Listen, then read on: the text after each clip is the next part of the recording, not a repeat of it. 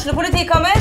Ine Jansen er purk. Er du purk? The motherfucking bitch. Alt jeg vil, er å finne ut hva som skjedde med mannen min. Jon Carew. Er jeg sikta for noe? Iben Akeli. Det er du. Ole So, Lars Berrum og Big Daddy Karsten. Hvem sin side er du på, egentlig? Anette Hoff, Tone Danielsen, Kommer du fra Afrika? Jørnis Josef, Nesten. Kløfta. Trond Espen Seim, Det er synd å si det, men det var feil mann som døde. Purk. Premiere tirsdag på TV2 Play.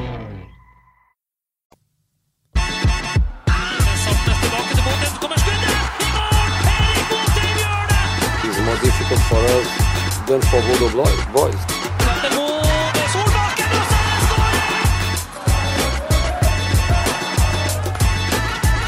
Let's enjoy it. Let's go.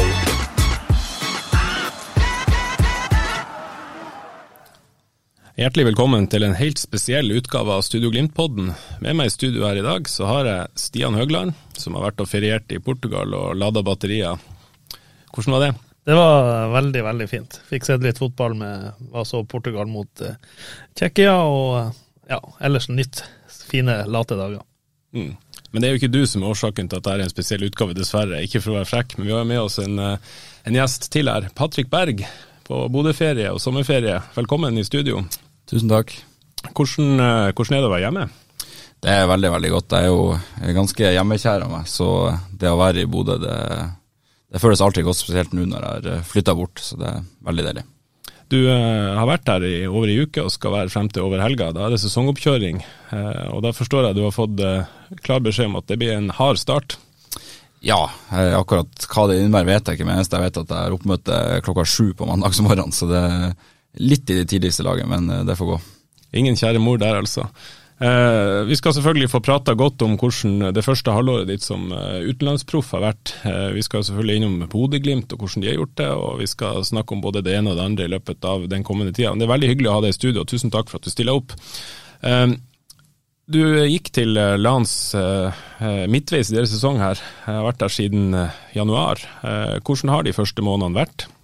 Eh, veldig lærerik, mye inntrykk og, og mye nytt man skal, skal ta inn over seg. Eh, så jeg er veldig glad at jeg dro nå i januar, sånn at nå når jeg kommer eh, til oppkjøring av ny sesong, så føler jeg på en måte at jeg har den erfaringa som skal til for at jeg kan gå inn og, og bidra fra, fra første trening nå når den nye sesongen starter.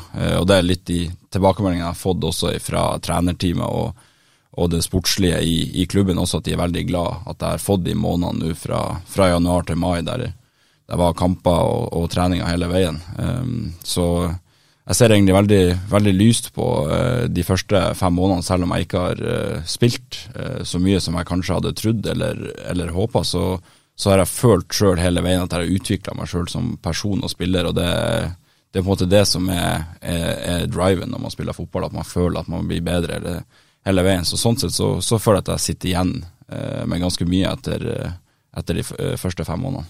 Hvor utålmodig er du etter den spilletida som du nevner? Eh, nei, ikke så veldig, egentlig. Eh, og det er litt, sånn, litt rart med det, men jeg tror det har mye med den, eh, den mentaliteten vi har jobba med i, i Bodø-Glimt over mange år, med han Bjørn Mannsverk. Det er på en måte at, eh, at treneren ikke velger meg i, i starterne, får jeg ikke gjort så mye med akkurat der og da. Det er mer at jeg må eh, legge ned en innsats og, et arbeid over tid på trening eh, som skal bevise at at uh, jeg er god nok. Så jeg klarer liksom ikke å bli sånn der skikkelig frustrert eller forbanna for, for, at jeg ikke blir valgt i en, en startoppstilling. jeg må på en måte bare godta det, for det er på en måte det som er realiteten der og da. Og så handler det om å, å, å jobbe hardt, så man er klar når den, når den, muligheten kommer. Hvordan er kommunikasjonen med trenerteamet, og hva, får du beskjed om å jobbe med på en måte for å, for å kjempe deg til en plass i, i elveren? Uh, nei, altså All kommunikasjon går jo på fransk, det, det gjør det. Så, men det, det har faktisk gått overraskende bra, det òg. Selv de sånn én-og-én-samtalene jeg har med, med treneren og, og trenerteamet, det, det, går faktisk jeg vil si meget bra, med tanke på at det går på fransk. Men det er, altså, det er litt Det er en ny type å spille på. I Glimt har vi vært mer kanskje possession-orientert. Uh, enn det jeg vil si vi er i lands. Der er det mer eh, vinn ballen, så er det liksom, da er det fremover som gjelder, og alle mann i angrep, egentlig. Eh, så det har vært litt sånn, sånn ny, eh, ny måte å tenke på, en omstilling jeg må, må ha. For nå blir det litt eh, mindre å lete etter den kanskje den trygge løsninga å komme seg ut av det første presset. Nå skal på den første pasninga være eh, fremover, og gjerne spille noen alene med keeper, egentlig, hvis man har muligheten. Så eh, det er litt det jeg har fått tilbakemelding på, at man må bare tørre å, å spille mer fremover og, og slippe seg mer løs. da. Mm. Men Patrick, det er jo sånn, sånn det du sier om å ikke få sjansen med en gang i januar. Det, det, du har jo lagkamerater på landslaget, Erling Braute Aaland. Han spilte jo heller ikke fast i, i, i Salzburg når han dro dit. Eh, har du snakka noe med, med, andre lagkamerater som har dratt ut i januar? For det, det, er jo veldig få som går rett inn fra Norge og spiller fast i en større liga. Ja, jeg har prata med, med, mange om det på, på landslaget òg, og det er jo helt naturlig at det, at det blir sånn. Eh, så er det jo klart at når man har eh, gjort det bra i, over tid i Glimt og følte jeg hadde en eh, god sesong i fjor for eh, landslaget òg, så hadde man jo kanskje et, et håp, og folk rundt hadde kanskje forventninger om at det skulle egentlig bare At jeg skulle gå rett inn og, og begynne å spille fra første sekund. Og så kommer jeg dit og, og, innser vel at det er kanskje den, den beste sentrale midtbaneduoen i hele ligaen, så det er jo ikke bare bare å skal ja, var, du, var, du, var, du, klar over nivået på konkurransen din når du for? Eh, ja, eh, både ja og nei, vil jeg si. Jeg visste at eh, spesielt for Fana var jeg jo klar over før jeg var en ekstremt god spiller, men eh, kanskje den som har vært best siden jeg kom, er jo egentlig Dokoré, som jeg har konkurrert eh, sånn kanskje mest direkte med. da, og han er fra akademiet og født i, i år 2000, sant? så det er, jo, det er, jo, klart at det er jo lett å, å se for seg hvis det, var, hvis det var omvendt, at noen kom til Glimt i 2019 eller 2020, når jeg akkurat hadde spilt meg inn i laget, så tror jeg det skulle ganske mye til for at, uh, at jeg hadde blitt bytta ut sånn uten videre. Spør Elias Hagen. Ja, for eksempel. Så jeg, jeg på en måte aldri stressa og vært veldig uh, sånn ydmyk overfor oppgaven jeg, jeg står foran. og egentlig bare vært glad for å, å, kunne vært på trening med kanskje spesielt de to da, hver eneste dag, og, og fått sett eh, hvordan de eh, jobber, og, og, hvordan de opptrer underveis i, i treningsøkter og kamper. Sånn. Det har vært veldig lærerikt. Hvordan, eh, hvordan, er livet utafor fotballbanen i Nord-Frankrike? Eh, har du funnet deg til rette der? Hva gjør du når det ikke er trening og, og, og fotball det står om? Ja, Det er egentlig et veldig, veldig, rolig liv, det er det. Det er ikke noe, noe storby. Eh, sånn I selve byen Lan så er det jo 30 eh, 000 som bor, og det er vel ingen av spillerne som bor i, i selve byen. da. Det er det ikke, for treningsanlegget ligger, ligger i en annen by som ligger litt utfor. Så de fleste bor vel enten litt opp mot Lille eller litt lenger sør for for lands ned mot Paris, da der jeg bor, som er i en by som heter Arras. Eh, og Der er det vel 40 000 som bor, så det er faktisk mindre enn Bodø. Så utrolig nok så har jeg flytta til en, en, mindre by enn Bodø, så det er veldig Ute i store utland? ja. Nei, det, det, har vært en sånn sett en veldig fin overgang for min del, tror jeg. At, at byen ikke er millionby og masse trafikk og tjoei. Så veldig, veldig glad for det. Og så har jeg jo med meg min samboer og, og, og vår lille hund, så det, dagene går nå til, til, turgåing og middagslaging og egentlig det helt, helt normale. Så, men jeg er veldig glad for at de er med, da, så jeg har noe å fylle dagene med. Er det du som står for middagslaginga? Jeg, jeg, liker å, å, tro at vi er et sånn bra team der. Jeg, er kanskje mer sånn eh, kjøttansvarlig. Eh, Stå for steiking av, av, kylling eller biff eller hva det skal være, og så hun er kanskje litt mer eh, koking av ris, pasta, grønnsaker. ja.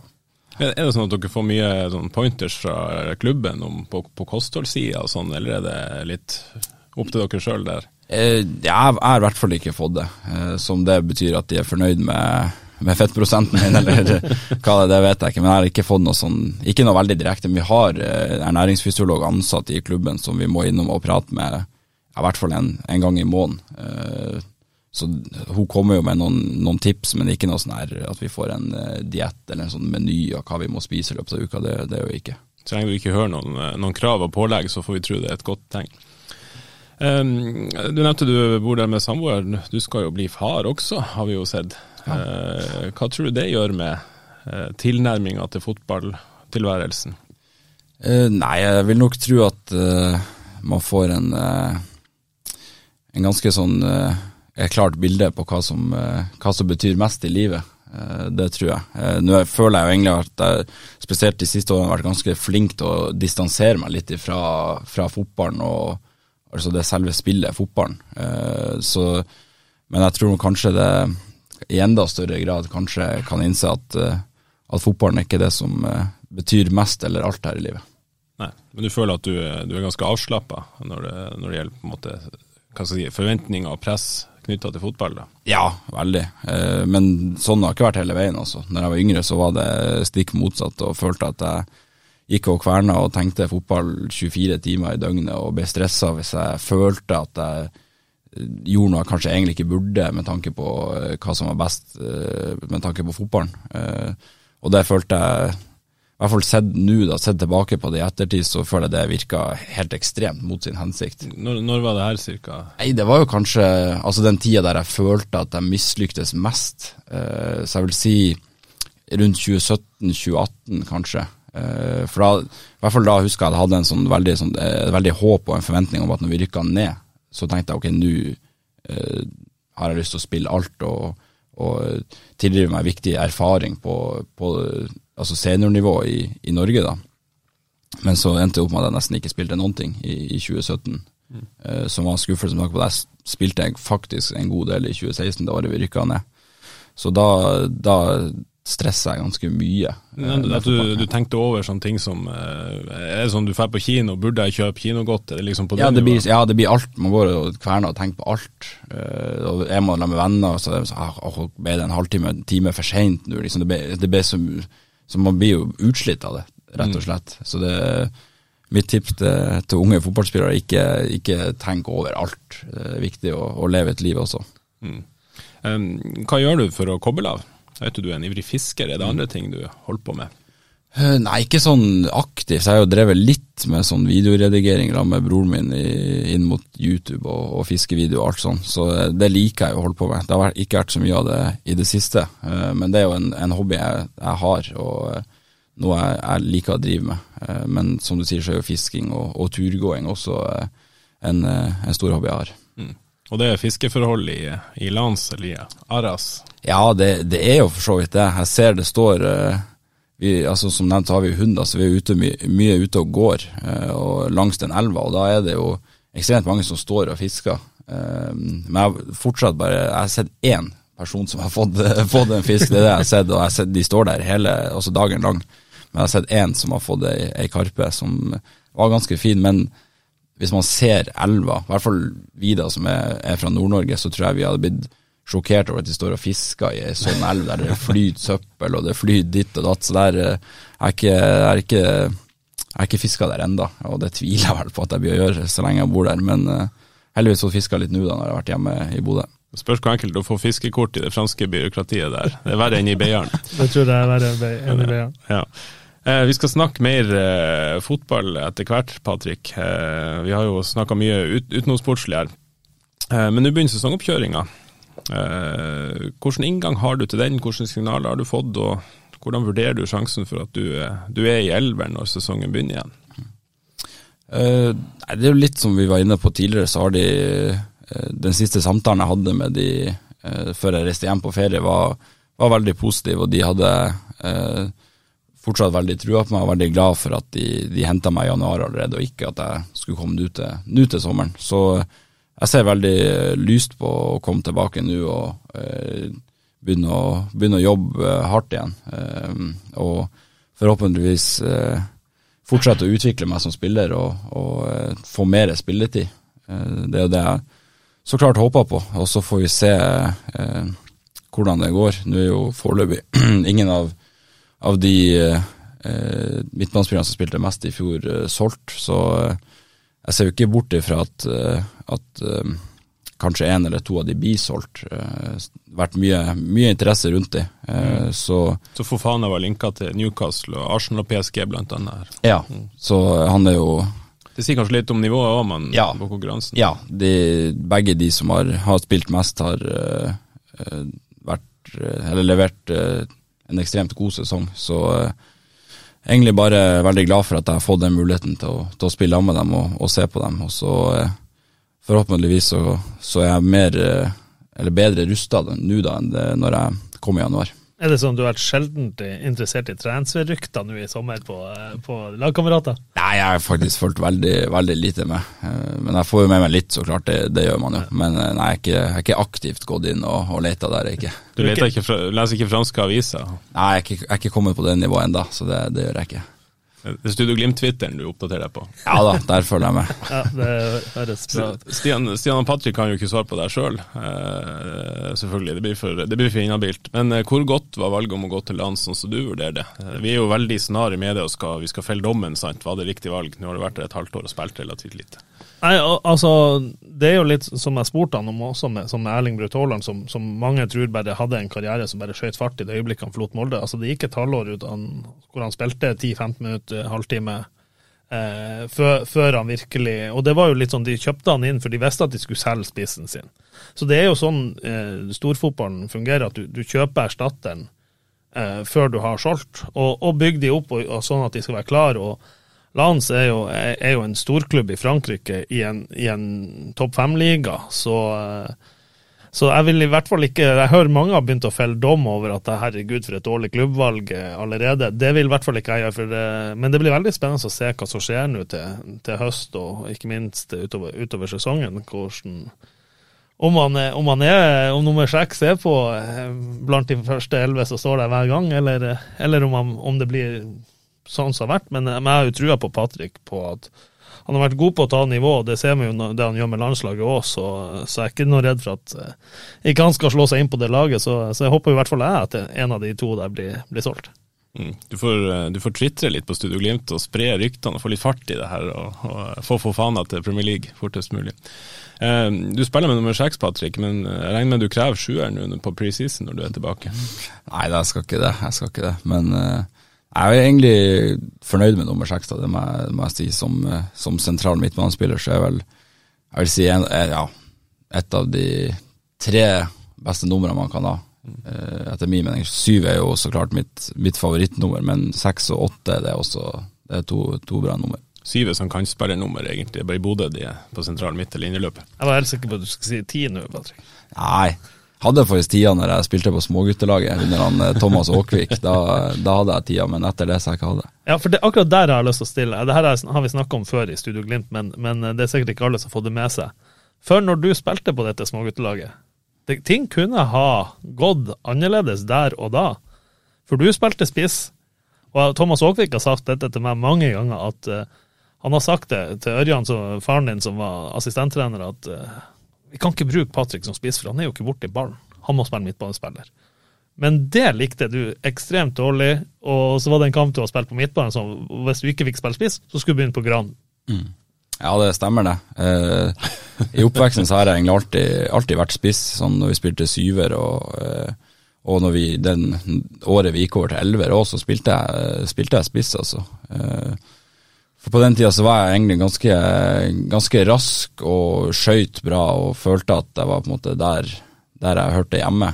Eh, men så kom jo han Thomas Aakvik da og ville ha det annerledes, og da Nei, det var jeg ikke så eh, fan av, for jeg hadde sånn, satt meg sånn inntrykk at de kule de spilte angrepsspiller og spiss, og det var det, det jeg ønska. da. Men eh, nei, jeg slo meg, slo meg fort til ro med at, at det ble midtbanespiller, selv om jeg hadde noen uker der jeg var litt i, i tenkeboksen om jeg skulle, eh, skulle gå over til Gran. Ja, for Thomas har sagt at uh, Ørjan sa det er helt i orden, det bestemmer du sjøl, men du må sjøl si det til han Thomas. At, Ja. at du- det her vil jeg ikke. Ja, stemmer det. Stemmer det. Du har jo en bror som er spiss. Hvis, det hadde, hvis han hadde vært midtbanespiller, så hadde han vært i Frankrike, og du i femtedivisjon. Kan være det. spilt for kråkegull og ja, nei, det, det vet man jo ikke, men det, hvem, ja, det, det kunne vært. Jeg tviler litt. Vi har fått eh, spørsmål ikke fra, fra Twitter-sfæren, men fra redaksjonen rett der inne, eh, som lurer på uh, hvilket nivå er det på Lans eh, og spillerne der i forhold til Bodø-Glimt? For eh, vi er jo blitt så høye og mørke her at vi tror jo Glimt er omtrent verdens navle og hører hjemme i europatoppen. Kan du si litt om nivåforskjellen eventuelt da mellom Glimt og Lans? Ja, eh, sånn enkeltspillere, eh, ikke bare i land som er generelt i ligaen i Frankrike, holder et, eh, et veldig mye høyere nivå enn enn det vi gjør i Norge, vil jeg si. Eh, spesielt når det kommer til eh, sånn én-én-dueller, både offensivt, og defensivt, det fysiske. Eh, jeg tror der, den kulturen de har, som de har med seg gjennom hele oppveksten i Frankrike, så tror jeg de er vant til å må klare seg mer enn en enn det vi er i Norge. Vi har mer fokus på lagspillet fotball i Norge, eh, tror jeg, enn de har i Frankrike. Så de er vant til å løse ting sjøl. Eh, og det merker jeg veldig godt på trening òg, når man havner i sånne 1-1-dueller. Du tror eh, Det som jeg har vært vant med i Norge, at jeg eh, vinner ballen ofte, er god til å vinne ballen. Eh, men der kan jeg ofte som tro ok, nå tar jeg ballen. Men så gjør jeg ikke det. Mm. Det, blir, det, blir den, det, blir, vanskeligere og vanskeligere. Eh, jo bedre lag og bedre spillere du møter, å, å ta fra de ballen. Eh, så lagmessig så er jo, så jo eh, Bodø-Glimt på et veldig høyt nivå. Det er det ingen tvil om. Eh, men jeg tror nok det, den største forskjellen er sånn de individuelle ferdighetene hos spillerne. Eh, og så har de kanskje litt mindre fokus på det kollektive eh, enn det vi har i Norge. Og det tror jeg har med å gjøre at i, i Norge så er vi kanskje vant med at det er ingen stjerner. Så da må du ha fokus på laget for at det skal bli best mulig. Mens der i Frankrike så kan man på en måte la stjernene være stjerner, for de er så gode at de ordner ting nesten litt for hele laget. Så jeg tror nok det er den største forskjellen på, på Norge og Frankrike. Så spørsmålet fra Frank Amundsen er med at eh, har Lans en eneste spiller unntatt deg sjøl som er god nok for Bodø-Glimt? Svaret er ja. Ja, det vil jeg si. Jeg tror nok samtlige spillere kunne ha gått inn og gjort en, eh, en bra jobb i Glimt. Eh, men så er jo spørsmålet om innstillinga, mentaliteten, hadde passa inn. Det, det er ikke sikkert, for det er jo noe helt Eh, spesielt å, å, å, spille i Glimt, og det å 100% skal vise seg sjøl til laget og fellesskapet. Det er ikke alle som, eh, som ønsker det. Det har vi jo sett med, med andre spillere også som har kommet til Glimt, som egentlig er veldig veldig gode, men som på en måte ikke får det til eller passer helt inn. Eh, så jeg tror det hadde vært spennende å se hvis det hadde kommet noen noen eh, spillere fra lands til, Glimt. Har, har, du fått et nytt perspektiv på det Glimt gjør? Eh, du, altså, vi snakker om det nivået man setter liksom, hver eneste dag på trening, og, og det kollektive styrken og kraften. Har du fått et, et, et, annet perspektiv nå når du, når du er kommet til et, et annet sted med kanskje høyere individuelt nivå? Ja, det, det vil jeg si. Det, det syns jeg har vært veldig fint med, med å komme til, eh, til lands, er at man blir utfordra, få litt nye perspektiv på ting og, og oppleve en annen kultur. Eh, for i Glimt så husker jeg at jeg, jeg sleit veldig mye med at jeg var frustrert hvis noen ikke gjorde sitt beste, ikke gjorde 100 for laget til enhver tid. Eh, og det husker jeg prata mye med Bjørn om, og han metaller, at jeg, jeg sleit. Jeg, jeg, ble så frustrert, og jeg skjønte ikke hvorfor. Irritert? Ja, rett. Jeg ble så irritert og frustrert at det gikk utover kanskje min egen prestasjon at uh, for noen andre, hvis jeg følte at noen andre på laget ikke gjorde 100 hele tida, uh, for jeg klarte ikke å forstå det, for, det, for meg så ligger det helt naturlig å bare gi 100 for de rundt deg, prøve å gjøre de best mulig, gjøre det beste for laget hele tida. Uh, mens nå har jeg på en måte uh, fått sett det litt oftere og på nært hold, og på en måte kanskje fått en, en forståelse for at eh, folk er ulike. Det er ikke, alle tenker ikke sånn som jeg gjør, og det, det må jeg akseptere, jeg òg. Eh, så det, det, har vært fint sånn sett. Så nå føler jeg litt jeg har fått, fått eh, en større forståelse for akkurat, akkurat den biten. Stian, er du i ferd med å spørre om noe der? Ja, akkurat det du sier der om enkeltspillere og stjerner kontra en lagmaskin, holdt på å si, som Glimt har vært. Så Du så jo det ganske tydelig på Roma noen ganger. Dere, du var med to ganger. Eh, og Glimt møtte de fire. I tre av kampene så følte jeg Glimt spilte mot elleve spillere. I den siste, på, når de taper 4-0, så føler jeg at de spilte mot et lag. Da var det, da var, det var eneste gang jeg følte Roma Spillene virkelig virkelig sto frem som et lag og dro i samme retning. Så, det, så det, man ser, jo, ser, det jo i, i store klubber. Ja, ja, det, og jeg tror man ser det mer i store klubber enn, enn i mindre klubber. Eh, litt som jeg var inne på, for der er det større stjerner. Så da da blir det på en måte mer akseptert òg, eh, for de er så gode at har de én dårlig kamp, og så har de plutselig tre gode der de skårer mål og vinner, gjør så at laget vinner, så blir det på en måte akseptert. Eh, mens eh, i mindre klubber der du kanskje ikke har noen stjerner, så er du nødt til å ha elleve mann som drar i samme retning hvis du skal få til noe. Mens ja, i de større klubbene så klarer klarer enkeltspillere å utgjøre forskjellen sjøl. Ja, altså når Roma henter spillere, så henter du gjerne den beste spilleren på et lag som ligger på tiendeplass i Serie. Han var stjerna der, og så henter de stjerner fra den klubben. Og så er det, sånn en, en, gjeng med, med, folk som er vant med å, og kanskje få litt friere tøyler. Så skal man sette sammen til et lag. Um, men gå litt tilbake til det med, med, nivået på det man får til uh, når det gjelder å dra i samme retning. Hvor godt er det eh, i Bodø-Glimt, tror du nå når du har fått smake litt på europeisk fotball sammenligna med, med, andre steder? Tror du Glimt liksom på det viset er helt der oppe i europeisk sammenheng? Ja, det, det vil jeg absolutt si. Uh, og det, det, var jeg ganske klar over før jeg dro at det kommer ikke til å, å Mest sannsynlig så kommer det ikke til å være det samme i uansett hvordan klubb jeg drar eh, til resten av min karriere, akkurat den eh, mentaliteten og den innstillinga eh, både trenerteamet og spillergruppa har hatt i Glimt nå eh, over noen sesonger, den, det var jeg klar over at det, sånn blir det ikke. Eh, og, og, det, og, det, er helt, eh, helt, greit, altså. Det er det. men jeg, jeg, tror Glimt sammen med kanskje City og Liverpool, som man kanskje sånn sett utenifra har ja, etter mitt syn elleve spillere på banen som alltid eh, gjør det beste for hverandre og drar i, i samme retning. Det er bra selskap du, du sammenligner Glimt med her. Ja, eh, det er jo det. Men eh, jeg, jeg, føler at det også kanskje blir viktigere og viktigere i eh, europeisk toppfotball også, så jeg vil nok tro eh, og håpe at flere og flere klubber også ser verdien av det. Eh, for du ser jo, som f.eks. mitt favorittlag som er Manchester United, Uh, jo takk. Ja. ja, takk. Ja, Man ser jo bare der uh, altså hvor, hvor altså sjanseløse de er når de møter sånn som Liverpool og City, som har elleve spillere som alltid jobber i lag og gjør det beste for hverandre. Da hjelper det ikke at du, at du har et par gode spillere lenger. Føler, Før så kunne man komme seg mer unna med det som, som et lag. Nå så du ser City og Liverpool spesielt da i England, er jo milevis foran de andre lagene. Det er et lag i Frankrike også som du har fått sett litt på nært hold, med, med en brukbart stjernegalleri på topp, men som kanskje ikke presterer helt der oppe i PSG. Er det, øh, hva kan de lære av Glimt?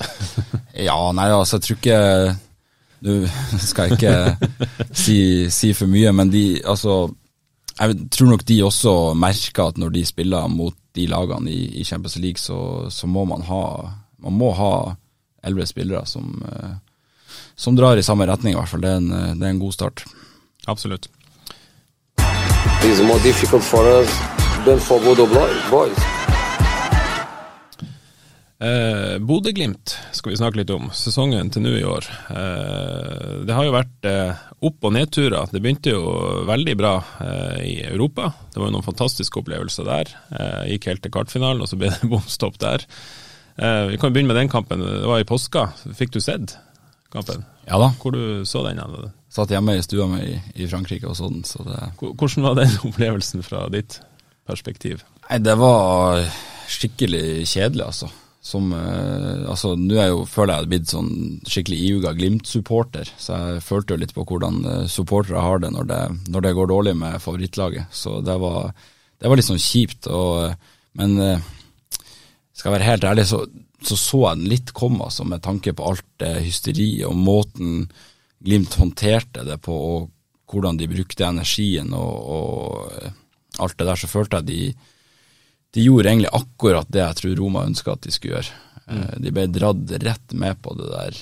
Det tenkte du på etterspillet etter ja. spillertunnelen og, ja. og styret i dagene. Det var jo enormt med selvfølgelig medietrykk, og det var egen pressekonferanse mm. i Roma. Og, ja. Du. Mener, du mener tappa de for ja, det er soleklart. I hvert fall, altså nå er jeg ikke Det er jo lett å si når man ser det utenfra, men det er i hvert fall den, den følelsen jeg satt med. Jeg tenkte sånn Nei, det der ikke bra, altså. Uh, og så klart, det er jo Jeg tror nok Glimt har lært veldig, veldig mye uh, av det, og det håper jeg de har gjort. For det, det er nok sikkert ikke siste gang noen prøver seg på, på, noe sånt når man er ute i Europa og spiller om, uh, om gjeve titler og alt sånt. Så da så klart, det er jo første gang for, for Glimt, så man, man, må jo lære, men man lærer jo på en brutal måte. Hvordan, eh, hvordan tror du du sjøl hadde håndtert det hvis du var i det og en del av det? Hva hadde du gjort for å på en måte stenge det ute?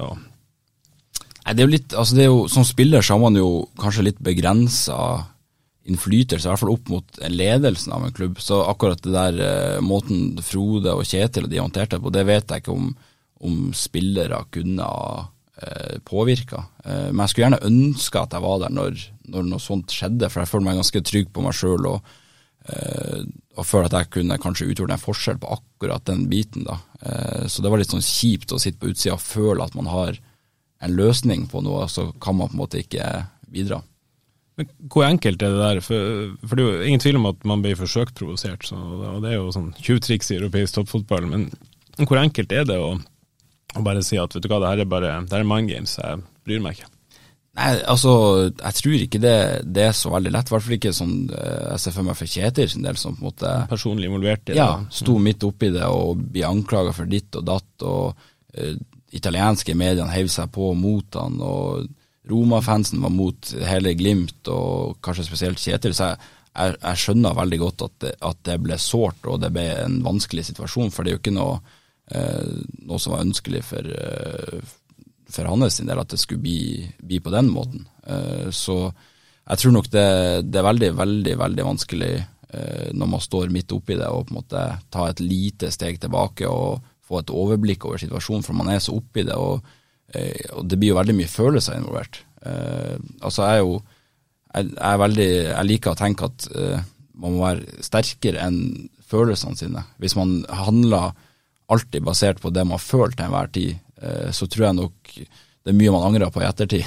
Så det, det, altså det logiske føler jeg må komme inn i, i sånne situasjoner. Eh, men det er svært vanskelig når man når man sitter med følelser som er, er veldig sterke, og, og, kanskje spesielt kjipt da, i, i Kjetil sin situasjon. Har, har, du vært involvert i situasjoner du har tenkt etterpå? Hva i all verden var det jeg gjorde der? Hvorfor, hvorfor ble jeg så revet med av det her? Ja, ja, det, det, tror jeg nok alle har, har uh, følt på. Eh, spesielt som liten, så når jeg vokste opp, så, så hadde jeg et ekstremt eh, sinne som, som jeg ofte lot Altså, det kom veldig tydelig frem at jeg var sint og frustrert, og spesielt hvis vi tapte eller uh, ikke, ting ikke gikk som jeg ønska på, på fotballbanen. Uh, så jeg tror nok alle, alle har følt på den. Uh, og det tror jeg nok sikkert Glimt har følt på nå i ettertid, og at nei, vi lot oss rive for mye med. Det var følelsene som tok overhånd. Vi, vi tok ikke logiske valg basert på den situasjonen vi var i.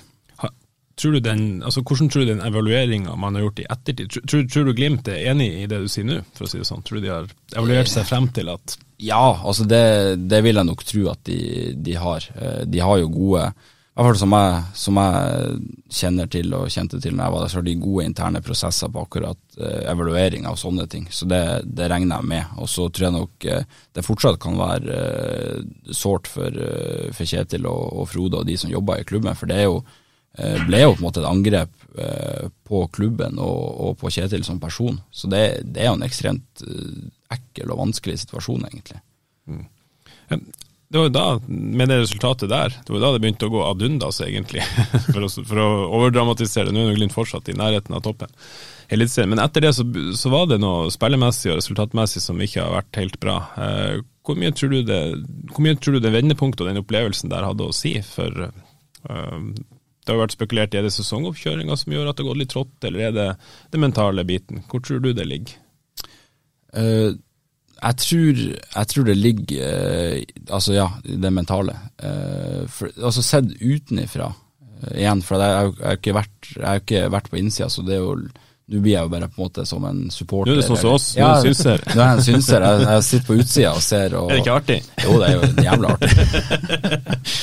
Men jeg, for, for, meg så har på en måte uh, Spesielt etter den, den Roma-kampen, da, uh, og kanskje spesielt med, med cupfinalen og, og tapet mot Viking borte, der det oppsto ganske mye mange situasjoner og mye snakk i ettertid, så føler jeg Eh, jeg har sett en endring eh, på kroppsspråket til, eh, til Glimt-spillerne. At de er oftere frustrert. De, er, ja, de blir lettere revet med av dårlige dommeravgjørelser. At motspillere prøver å gjøre alt de kan for å få Glimt ut av fatninga. Og det, og det føler jeg de har latt seg rive litt med på, og blitt frustrert. Ikke bare mot, altså over motstanderen eller dommeren, men også litt på hverandre. Og det føler jeg jo det fine med, med, Glimt har vært de siste sesongene, at uansett hvem som gjør en feil, eller hva de gjør, så er det, det er greit. Det er på en måte det, det, som skjer fremover som betyr noe. Så det som akkurat har skjedd, det er på en måte ute av verden, og man ønsker å støtte hverandre og backe hverandre opp hele veien. Så akkurat der har jeg i hvert fall sett utenfra igjen. Eh, sett en liten endring i, i kroppsspråket til, til Glimt-spillerne. De har vært mer frustrert. og Jeg tror de kanskje har følt på at eh, alle rundt dem har på en måte vært litt sånn mot dem. Eh, og ønsker at de skal mislykkes. Når du da ikke får det til, så blir det veldig frustrerende. Så det, igjen, det er lett å forstå. Eh, men jeg skulle gjerne ønske at jeg kunne, kunne vært med og, og bidratt litt. Nå har, du- jo vært og bidratt på trening eh, siste uka. Hvordan syns du det ser ut der nå, kontra når du var der? Nå syns jeg det ser veldig, veldig bra ut. Jeg tror nok den, den uka de hadde fått i Danmark nå var veldig bra for dem. Det å på en måte få brutt opp og tatt litt fri, og så samles igjen med litt ny energi og nytt pågangsmot, det tror jeg var veldig, veldig viktig. Så denne uka jeg har eh, vært med nå og vært rundt laget, har egentlig vært eh, veldig positiv og vært veldig bra nivå på trening. og syns eh, man så både i kampen mot, eh, mot KBK og nå mot Ålesund nå at det er en, eh, en litt annen go og, og et annet kroppsspråk på, på spillerne. Jeg tenkte jeg også skulle spørre deg om en liten sånn eh, taktisk detalj, er, i hvert fall jeg har sittet og stussa litt over på Aspmyra eh, i år. Eh, men det ser ut som i eh, oppbyggende spill, særlig når du møter de her trebackslinjene, eller fembackslinjene, da, så, de, så trekker man backene ganske langt inn i år. Eh, har man har jo ikke Fredrik der med venstrefot, selvfølgelig, men både Alfons og Brise er ganske langt inn i oppbyggende spill. Eh, og det er noe dere, noe dere snakker om i fjor, eller er det en, en ny greie, sånn som du ser det? Nei, det var Altså, det var Vi spilte ganske sånn i, i, i fjor også, eh, men så klart blir det tydeligere nå når man har Bris Bri som er høyrefot på, på venstreback, og kanskje spesielt Pelle òg, som er glad i å trekke mye innover. Eh, så altså, et viktig prinsipp er at man må alltid ha én breddeholder. Eh, I hvert fall etter mitt syn når man spiller 4-3-3. Eh, har man to, så er det litt bortkasta, eh, sånn som jeg ser det. Gamle 4-3-3 så var det på en måte at da skulle backen og kanten være helt ute på krittet, liksom. De skulle ligge der. Men sånn som det er blitt nå, så føler jeg det blir så feile vinkler hvis begge ligger helt bredt. Eh, for da kan du, i teorien og i praksis, så føler jeg at da som back så kan du nesten aldri spille ut til kanten din hvis du ligger helt bredt. Å slå en pasning langs linja er jo ikke noe, noe gunstig, det er jo ikke en enkel pasning å slå heller. Så det at du kommer litt inn i banen gjør at du får en annen vinkel til kantspilleren, eh, og du opprettholder fortsatt en god vinkel til indreløperen din så lenge indreløperen eh, er i posisjon litt lenger inne sentralt i banen. Eh, så det, det er gunstig, en gunstig måte å spille seg ut på, men så må man passe på at man har en breddeholder, og plutselig ikke alle tre havner inn i det samme rommet og den samme smørja. Så jeg tror nok akkurat um, Når man kommer i siste tredel òg, så Ja. er det jo på en måte da, da må man jo finne plassen rundt, særlig Ja. når man motstandere nå vil stenge igjen Ja, det er akkurat det. Og så må du ha flere samtidige bevegelser til enhver tid når, når uh, lag ligger så lavt. Og det aller, aller viktigste uh, sånn prinsippet for å bryte ned en lavtliggende motstander, er etter mitt syn gjenvinning. For det er egentlig eneste da du har par sekunder der de er i ubalanse. Det er idet du vinner ballen fra dem. Eh, så hvis du da ikke ofte klarer å vinne ballen fra dem, hvis det alltid blir at de klarer å klarere den, eller ballen går ut av spill og det tar tid, så får du på en måte ikke brutt dem ned, for de klarer liksom alltid å hente seg inn igjen. Eh, Så jeg tror nok det å ha en breddeholder som, som eh, strekker ut laget så, så godt det lar seg gjøre, og det å vinne ballen ofte, er, er det viktigste når man møter de, de lagene der, altså. Så hva, hvordan vurderer du presspillet og intensiteten der eh, i år? Nei, jeg syns jo kanskje sånn litt i gjenvinningsfasen så har de, har de hatt eh, noe å gå på. Eh, og så klart er jo lag også eh, mer bevisst på at eh, Glimt de siste sesongene har hatt et bra gjenvinningsspill, og det ofte har vært eh, nøkkelen til at, at Glimt har eh, prestert så godt mot lag som prøver å ødelegge. Eh, Så det nok lag, altså andre lag i Norge har også utvikla seg, det må vi ikke glemme. Det, det er ikke bare sånn at Glimt utvikler seg hele veien, det andre lag tar steg de også. Eh, Og de blir bedre og bedre for hver sesong som går, og for hver gang de møter Glimt òg, så tror jeg nok de sitter igjen med sånn Ok, men ah, ok, nå har vi kanskje følelsen på at selv om de taper, sånn som Vålerenga nå da, tapte masse på Aspmyra, så tror jeg nok de, si- neste gang de møter Glimt, så kommer de til å sitte med en følelse av at ok, men vi vet hva vi gjorde galt sist, og det endrer vi på. Mm. Så det er, jo, det er jo en utfordring for Glimt også å være det, det laget som på en måte blir sett på som det beste. For da tar alle ekstremt hensyn til det til enhver tid, og prøver å demme opp for de styrkene. Mm. Så det er jo kanskje lettere å tette det gapet enn at Glimt bare skal fortsette å utvikle og utvikle hele veien. Så jeg tror nok eh, Glimt har fått følt litt på det i år, at de andre lagene har blitt bedre, og at det, det er vanskeligere å møte dem. Det har vært perioder med, særlig i fjorårssesongen, første halvåret, før, egentlig før europakvaliken, så gikk det jo òg litt trått. Og det var jo perioder der det ikke fløyt sånn kjempegodt. Hvordan jobber Kjetil og trenerteamet og, og spillergruppa nå med å med å løse det her? Altså, hvordan, hvordan grep er det man gjør, og hvor, hvor detaljert eh, er det eh, på en måte i den, taktiske tilnærminga, og, og, hvor mye handler om intensitet? Altså, hvordan, hvordan jobbes det nå, tror du, for å løse opp i den floka? Jeg tror det er som du sier, veldig på et sånn detaljnivå. Eh, Kjetil og, Morten og resten av trenerteamet Åsmund òg, helt fantastisk på å se detaljer i, i, eget spill, og hvordan man kan, kan straffe eller altså bryte ned motstander, da, spesielt. Så det, det vet jeg at de, de jobber steinhardt med. Eh, og så er det jo, som de har vært inne på sjøl, og det har vært kamper kamper hele veien, så de har på en måte ikke fått trent så mye i lag. Eh, så det er nå å ha fått trent litt i lag og, og terpa på detaljer, det tror jeg har vært, eh, vært veldig viktig for, for, Glimt. Hva tror du om høstsesongen? Tror du man får se en utvikling som man har gjort de siste sesongene da laget tar steg, eller tror du det blir vanskelig å komme opp på det nivået som man har klart de siste årene? Nei, jeg tror, jeg tror laget blir å, blir å, utvikle seg og ta steg eh, nå utover høsten. Og spesielt det med, med spilleglede og kroppsspråk, der, der, tror jeg nok folk kommer til å Hvis de følger med på det, så tror jeg folk kommer til å, til å se en endring der, kontra de, de kampene som har vært etter, etter Roma-kampen. Eh, så det, det, tror jeg nok er det viktigste. For sånn eh, spiller for spiller og spillemessig så er jo Glimt et veldig veldig godt lag. Eh, så jeg tror nok det handler om bare å finne tilbake litt den gleden med fotball, og ikke bry seg eller ikke tenke så mye på at de andre ønsker at du skal mislykkes, eh, og ikke bli frustrert over det. Bare For det er jo en dynamikk der òg, det er jo den Rosenborg-dynamikken fra, eh, fra 90-tallet. Når Rosenborg vinner tre år på rad, så sitter ikke nøytrale tilskuere og hopper på at de vinner fjerde. Sant? Nei, det blir jo sånn. Så det, jeg tror nok som Glimt-spiller nå, så føler man litt at eh, alle i Norge ønsker at du skal mislykkes. Og, og det hjelper jo ikke på når det oppstår litt situasjoner som med han Ulrik i i Stavanger, så får jo de vann på mølla? De, de kritikerne rundt. Eh. Og da var det jo Glimt man var opptatt av, ikke Viking? sant? Ja, Fordi, ja. det blir jo sånn. Og sånn eh, hadde det vært motsatt hvis det var hvis vi i 2018 hadde møtt Rosenborg, og det hadde vært Rosenborg som gjorde det mot Glimt, så hadde jo hylekoret vært at nei, nå er Rosenborg for et Nå er de mentalt ustabile, og de, hvem mm. tror de at de er, og ikke sant, alt sånt der. Da hadde det vært helt motsatt da. Så det blir litt naturlig sånn når man har prestert så godt som man har gjort. Snakka du noe med far din om det her noen gang? Akkurat i dynamikken her?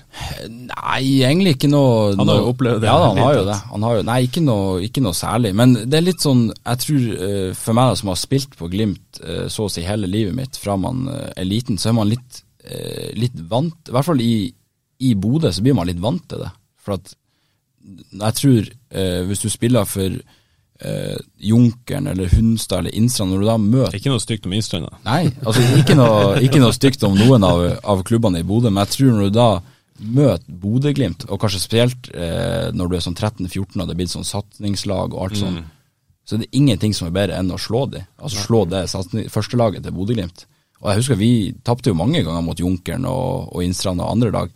Og altså det svei sånn, liksom, at når man på en måte skulle være det beste laget i i Bodø, og så taper man eh, f.eks. i en finale i Bodø Cup mot Junkeren, som vi gjorde. Og, det var jo på en måte det verste som kunne skje. Eh, og jeg tror nok eh, jeg, jeg, var i hvert fall vant med det hele oppveksten, akkurat det der. Eh, men for mange så kan det være en ny situasjon, at det blir så sinnssykt eh, trøkk rundt at alle ønsker deg dårligere, ønsker at du skal mislykkes eh, som fotballag.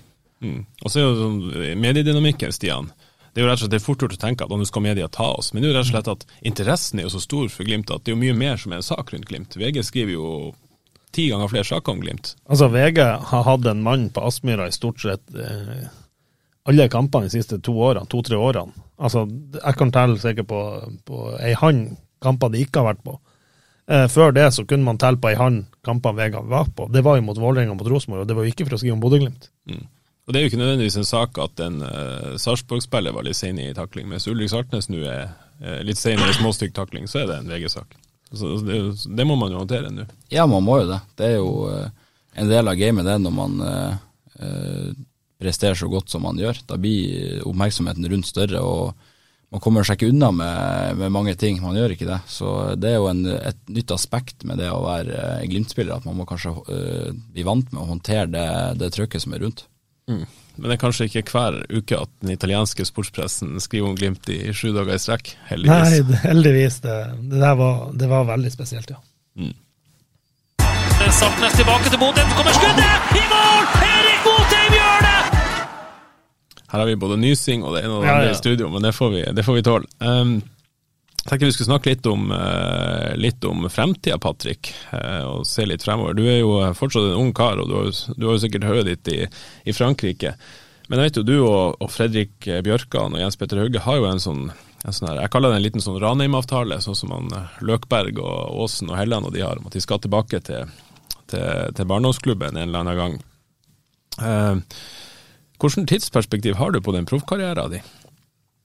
Nei, ikke noe ikke noe tidsperspektiv sånn at jeg går og tenker på nei, da vil jeg flytte hjem, eller så lenge skal jeg prøve å være i utlandet. Det, det får jeg, altså jeg tror Som fotballspiller så må man egentlig bare ta litt uh, altså ta ting som de kommer. For man, man, vet aldri helt hva som skjer i, i det yrket her. Så nei, ikke noe sånn uh, fast tidsperspektiv, har jeg ikke, annet enn at jeg har en, uh, en kontrakt som varer til sommeren i, i 2026. Så Sånn sett så føler jeg at jeg sitter ganske, ganske trygt nå i i, i Lans og, og, det tidsperspektivet der. Så det, det, føler jeg meg veldig komfortabel med. Og så, eh, som du sier, så har jeg et ønske om å, å komme tilbake til Glimt. Forhåpentligvis til en uh, ny stadion og, og sånn. Så det, det er et, eh, et sterkt ønske om. Ja, det, altså, det føler du du må gjøre i løpet av karrieren, at du skal tilbake til Bodø? Ja, det, altså, jeg vet Hvorfor jo er det viktig for deg? Nei, jeg er jo herfra og vokst opp her, og uh, det bare føles naturlig. Altså, jeg vet jo at jeg skal jeg skal flytte tilbake til Bodø den, uh, den, dagen fotballen er ferdig. Altså det er her jeg skal bo. Uh, resten av mitt liv er, er planen. Så uh, om jeg da får med meg noen sesonger og kan bidra for Glimt på en, på en positiv måte, så, så håper jeg selvfølgelig det. Og hvis det er sånn at Glimt har blitt veldig mye bedre og jeg er blitt veldig mye dårligere, så skal jeg jo ikke komme hjem og, og, kreve en plass i Glimt. Det er, jo ikke, det jo ikke det det handler om. Men hvis man kan, kan og har mulighet til å bidra på en positiv måte, så, så ønsker jeg jo så klart det. Det har jo skjedd før at eh, folk i familien din har kommet hjem og bidratt på en positiv måte, så det, det kan jo hende at du ønsker. Ja da, jeg håper jo det. Og om det ikke er som eh, fotballspiller, så er det jo mulig at det er noe, noe andre bruksområder jeg kan eh, bidra på. Ja, så er det vel ca. 17-18 år til vi får en, en, en debut, kanskje, i en, en ny berg. Ja, for, ja, vi får se om det blir på damelaget eller om det blir eh, ja, herrelaget. Vi, vi, vet ikke hvordan kjønnet blir ennå, så det får vi Men Glimt skal jo starte med damelaget òg, ja. så det er jo det er mulig det blir der òg. Forhåpentlig. Det blir gul drakt, det er helt sikkert. Ja, det får vi, det får vi satse på. Så har du vel noen nevøer, har du ikke det òg? Jo, det har et par, par nevøer. Han ene er jo blitt syv år nå, så han, han spiller jo for Glimt, så uh, det er mulig det kommer en bergdebut tidligere enn uh, en om 17 år. Ja, vi er, jo, vi er jo litt nervøse for det der. At vi skal gå mange år uten Berg på, på, laget. Det liker vi ikke. Nei, det er vel noen som påstår at eh, Glimt har aldri hatt et ordentlig godt lag uten en Berg på laget, så det, så det eh, Hvilket perspektiv har du til det der, da? Eh, jeg har jo fått forståelsen av at i deres familie så har det aldri vært noe sånn her du må spille fotballpress eller noe sånn forventninger internt om at du skal bli fotballspiller. Men hvilken tilnærming tror du du kommer til å ha til det når når man skal lære poden og, mm. og spille? Nei, jeg tror nok jeg blir å ta eh, samme, samme tilnærming som uh, min far Ørjan har hatt til meg, da, at man bare får lov til å, å, holde på med det man ønsker. Om det er fotball eller om det er noe helt annet, så, så er det greit, det òg. Så det får vi bare, bare ta som det kommer. Jeg skal ikke, skal ikke, legge noe ekstra press enn det som allerede kommer til å ligge der, hvis uh, hvis mitt barn ønsker å spille, spille fotball. Da. Det tror jeg ikke man er, man er ikke tjent med å drive og legge på sånn ekstra press. For at jeg tror nok Ja, det var jo, altså for min del også var det jo et press som lå der, men jeg merka nesten aldri noe til det. Og det tror jeg mye er pga. Uh, uh, måten han Harald og Ørjan var på mot media. For sånn som jeg forstår det i ettertid, så har de fått egentlig veldig mange forespørsler om å lage saker, lage saker og reportasjer om oss tre i lag, dit, men de sa bare konsekvent nei til egentlig alt i hele oppveksten min. Så det er jo du i ettertid veldig takknemlig for. Det eneste kravet du har til din kommende han eller hun det, det skal være glad i fisking og være med på fisketur? Ja, det må, det må ligge der i bunnen. Der kan vi ha litt press. Ja, der må det være press. Det må det, men det er, som, det er fint, jeg tror det er fint som foreldre. Man kan styre det der veldig sjøl, hva barna blir interessert i. Så jeg er i hvert fall veldig takknemlig for at jeg ble dratt med mye ut på tur og ut i naturen som, som liten. Det er en, en fin ting. Mm, absolutt. Um, Fredrik og Jens Petter, som vi har vært inne på, hvor mye, hvor mye snakka du med de, og for så vidt Marius Lode og andre som, som måtte være med i, i den gylne generasjonen, for å kalle dere det? Nei, jeg snakker nå med de daglig, jeg gjør det. Uh, så uh, vi har uh, hyppig kontakt og prater mye om Glimt og mye ikke-Glimt. Er det sånn når du ser Romakamp, så går det noen meldinger hva i faen er de holder på med, liksom? Ja, til pause der så var det jo kaos. Da var det jo meldinger i øst og vest, så det var Nei da. Men eh, nei, vi, vi har et veldig, veldig godt forhold alle sammen, så jeg uh, har nok et, et, håp om at de også Jeg føler meg veldig trygg på at, at Jens Petter òg kommer til å ende opp i, i Bodø en vakker dag. Fredrik litt han tror han har fått eh, smaken på det gode liv nå i utlandet. Så han har vært litt sånn tilbakeholden. Han, han er jo kommet til storbyen. Han ja, han har jo det. Så han, han, er jo litt sånn Han spurte meg ja, hvordan, hvordan syns du det har vært å flytte fra Bodø, egentlig? Spurte han meg, og sa nei, det har nå vært helt greit. Jeg har ikke tenkt så veldig mye over det, egentlig. Altså, Savna jo folkene så klart i Bodø, men det artig å oppleve noe nytt. Så ja, jeg, jeg syns det er så deilig å komme seg bort fra Bodø, sa han. Så eh, jeg tror nok vi har litt eh, Vi må overtale han litt. Jeg registrerte Han kom fra ferie i går til Bodø og skulle være her bare noen få dager, for mm. han har vært i, i, Spania med noen kompiser, tror jeg. Eh, så jeg registrerer at du legger ferien og blir i Bodø, han drar til utlandet. Ja, så som jeg sa, så føler jeg meg trygg på at Jens Petter har jeg med meg når det kommer til den, til den planen, og så får vi skal la Fredrik få modnes litt der. Han må, han må få lov til å, å nyte livet nå i, i, utlandet, så tror jeg han skal kjenne litt på om noen år. Da begynner, begynner å savne Bodø litt, kanskje. Og finne seg ei Bodø-jente? Ja, det er jo det viktigste. Nå har jo ikke jeg samboeren min fra Brønnøysund, men uh, det er nært nok. Det er nært nok, så hun er blitt veldig glad i Bodø etter å ha flytta hit, så da føler jeg at jeg lyktes sånn sett. Kanskje du og Ulrik ble ende opp i bil i stedet? ja, det hadde vært noe. Bil, ja. Det, har, har spilt noen kamper på den kunstgressbanen der, så det ja, vi får se. Må ha sånn som jeg, rutine. Stå over for gule kort hver gang vi var i Brønnøysund. Ja, det hørtes ut som en, eh, en lur plan. Stian, vi har jo et tema vi, eh, vi hadde litt lyst til å, å, ta opp. Det er jo tre år siden eh, Arild Berg døde, din onkel. Eh, hvordan, hvordan, har du det med, med, med, akkurat den biten der i dag? Eh, nei, det går veldig bra, så det gjør det. Eh, og jeg tror nok hele familien også har det, har det, veldig fint, selv om det alltid kommer til å være et, eh, et savn og det kommer til å være sårt.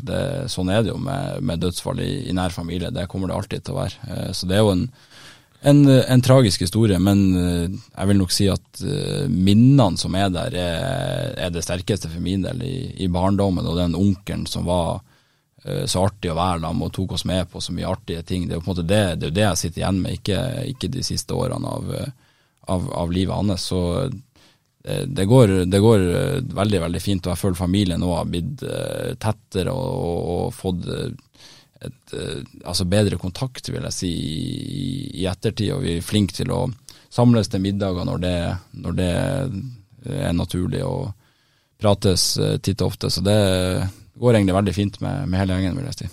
Sånn, det her skjedde jo midt i sesongen. Eh, du dro ut og spilte mot Viking dagen etterpå. sånn, Sett tilbake på det her. Altså, for det var jo et slag for dere, og, for alle som var, som glad i, var glad i Arild. Eh, sett i ettertid, hvordan, hvordan tenkte du tilbake på, på, det du sto i da? Uh, ja, for, for heller har jeg ikke tenkt så mye akkurat på det. Uh, og liksom, de da, liksom den dagen eller dagene det det sto på som verst. Eh, jeg er egentlig altså, stolt av hele familien og hvordan vi takla det. Eh, det var veldig åpen. Eh, stilte opp på den minnekonserten til han, Terje Nilsen som var bare noen, noen dager etter det, det, skjedde. Så jeg tror nok sånn som familie og på en måte den posisjonen vi har i Bodø i, i, i bybildet og måte, den oppmerksomheten det fikk, så tror jeg vi eh, håndterte det veldig bra, hvis vi skal se tilbake på det. En, en, det ble en eh, altså en, fin greie for, for, hele familien, egentlig, måten vi håndterte det på. Eh, og det er jo en stor takk til han Odd Eidner, som var eh, med oss egentlig hver dag etter det, det skjedde, og vi prata masse i lag eh, som familie med han, og eh, kriseteam og alt det der. Så den oppfølginga vi fikk òg, var jo helt, helt fantastisk. Eh, så det det er jo vi som familie svært takknemlige for at, at, vi ble fulgt opp så bra. Hvordan var den, den diskusjonen eller den prosessen frem til at dere bestemte dere for at uh, vi skal faktisk være helt åpne om det, vi skal fære ut og møte folk, vi skal altså samle.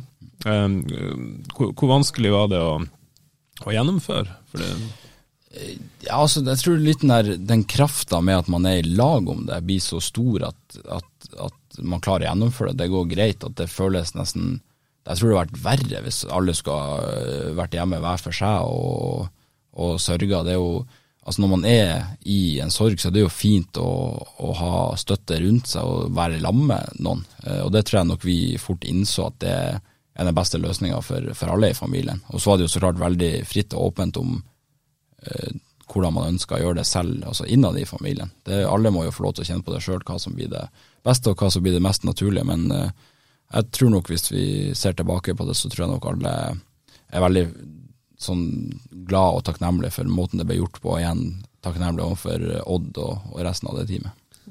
Patrick, eh, noe av det som har imponert meg mest med deg de, de siste årene, for du har jo hatt noen nedturer eh, med skader og, og, og, gått glipp av store kamper, og gikk glipp av når gullet ble sikra, annet.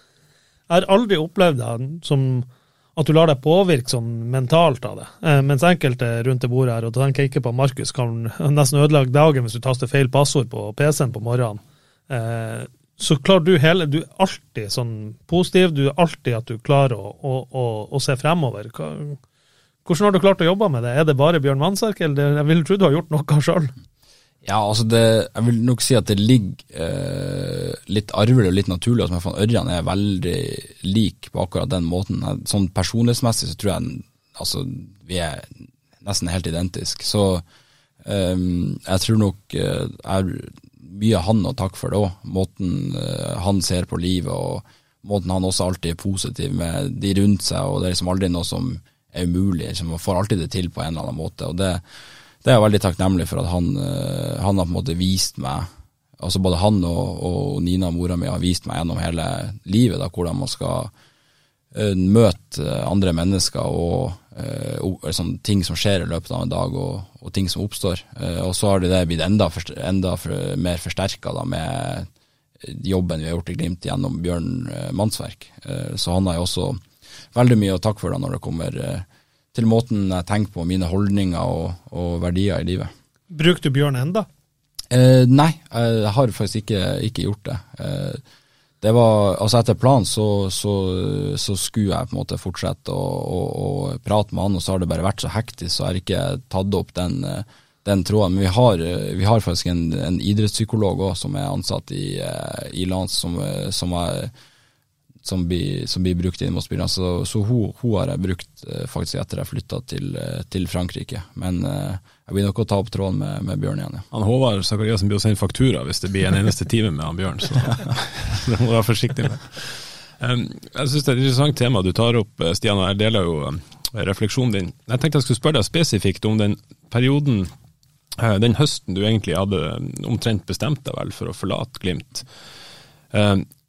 Og da var, jo, eh, da var, det jo, mye som ble skrevet og ment og sagt om det. Det var, det var, det var mange som ikke, blant annet Arild, som ikke forsto bare hvorfor du ikke spiller. Og så var, det mange som forsto det veldig godt. Eh, hvor, hvor, mye, når du sto i den situasjonen, hvor mye var det i dine øyne Patrick Bergs skyld at ikke du spilte, og hvor mye var det Kjetil Knutsen eller omgivelsenes skyld at man ikke spilte? Nei, der og da så, så var jeg veldig frustrert og, og, sint. Og det er litt som, vi, som jeg var inne på tidligere, det med følelser. Da, da lot jeg på en måte følelser komme for tydelig frem i, i, en beslutning som burde være, altså bli tatt med logiske hensikter. Altså når man skal signere en ny kontrakt, eller om man skal dra, eller hva som helst, så burde det ligge en vurdering bak som man ikke kun har gjort basert på det man føler. I hvert fall min mening, da. Så det er så klart lov til å være uenig i det. Men, Følte du deg urettferdig behandla på det tidspunktet? Ja, der og da så, så, gjorde jeg det. Eh, men når jeg ser tilbake på det, så var det jo 100% min egen skyld at jeg ikke spilte. Sånn som jeg ser på det nå, så er det ikke sånn at jeg fortjente å spille noe mer enn jeg gjorde i, i 2018. Eh, det syns jeg ikke. Så jeg, ja, som jeg sa, følelsene tok litt overhånd, rett og slett. Og det sa jo egentlig Bjørn til meg også, når jeg sto i den prosessen, sånn ikke ta en avgjørelse nå mens du er sint eller irritert på treneren eller klubben, eller vent. Men uh, det rådet hørte jeg ikke på, så da gikk jeg ut med at jeg ikke skulle signere ny kontrakt. Hvor, hvor, hvor, langt var du kommet i prosessen? Snakka du med andre klubber? Var du ja, det var jo litt sånn, men det var jo ikke noe Det var jo rett og slett ikke noe spesielt interessant som dukka opp. Eh, skal Det var ikke så, det var ikke så stor interesse? Nei, det var jo ikke det, og det er jo forståelig. Jeg hadde ikke spilt eh, Obos-liga i 2017, jeg spilte eh, svært lite i 2018. Starta kanskje fire kamper sånn hele mm. sesongen, og inn opp her og der, og uten å gjøre det noe spesielt bra, egentlig. Så det er jo ikke så så vanskelig å forstå at det ikke var så mye interesse rundt meg. Det går jo rykter om at lag som Tromsdalen takka nei til det, blant annet. Ja, det, det kan godt stemme. Altså, jeg vet ikke om om det er fakta, men hvis, hvis Åsmund og de har forhørt seg, det ser jeg for meg at de kunne ha gjort, så det, det er sikkert eh, reelt, det. ja. Altså, det, det er, det, du er inne på det, Markus, for det her hvor tilfeldig, eller tilfeldig ting egentlig er. 2019, du starter mot Mjølner i Nordlandshallen her og, og, spiller sentralt, gjør du vel da? Eh, ja, eller spilte jeg indreløper, kanskje. Mulig. Så skal dere uka etterpå møte Godset i LSK-hallen. Da skal jo Oliver Sigurd Jonsson spille sentral midtbane. Du skal starte på benken. Og så det, får han I feel something in my leg. Du kommer inn, dere vinner 5-0, så er dere alle tilbake. Ja, og det er jo litt uh, altså Jeg husker jo den, uh, den preseason 2019, for da var jo José Angel var jo fortsatt i Glimt, da, og mm. var på en måte det soleklare førstevalget på, på defensiv midtbane. Uh, så de, de, par første matchene så spilte jeg vel høyre innrøper, tror jeg, eh, mot Junkeren. Og så tror jeg han, José ble skada i kampen mot Mjølner, faktisk. Som endte med at jeg ble flytta ned de siste minuttene eller et eller annet i den kampen. Og så skulle han, som du var inne på, han Oliver start borte mot Strømsgods, og da skulle jeg igjen starte høyre innrøper, da. Uh, så det er egentlig veldig, som du sier, tilfeldig at man, uh, man havner der man gjør, og man presterer sånn som man gjør etter hvert. Det er, det er mye marginer og flaks man må ha i fotballen altså, for å kunne slå igjennom. Når, når skjønte du, for jeg husker Det var vel den Rosenborg-kampen som var eh, serieåpning, var det ikke det, i 2019?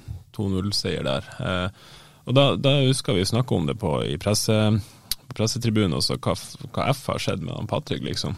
Når skjønte du sjøl at det var ikke der, der er ikke jeg er i god form, jeg er i bra flyt av en bra periode. Når skjønte du at at jeg er på en måte vokst, jeg er blitt god nok til å dominere?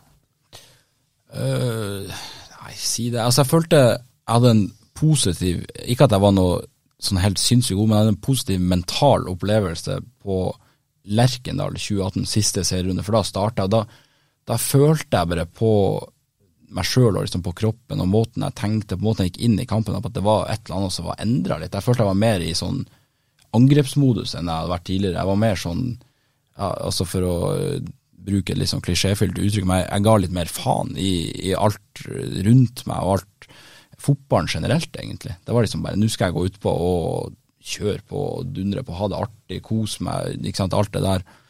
Uh, og da når jeg da uh, tok ferie, uh, så var jeg så mentalt innstilt på at når jeg kommer tilbake, så skal jeg være så jævlig god at det er liksom ikke, det er ikke noe det er ikke noe alternativ at jeg ikke skal spille på det laget her om det er på indreløper eller sentral, det var ikke så nøye. Jeg, bare hadde bestemt meg at nå skal jeg være så god.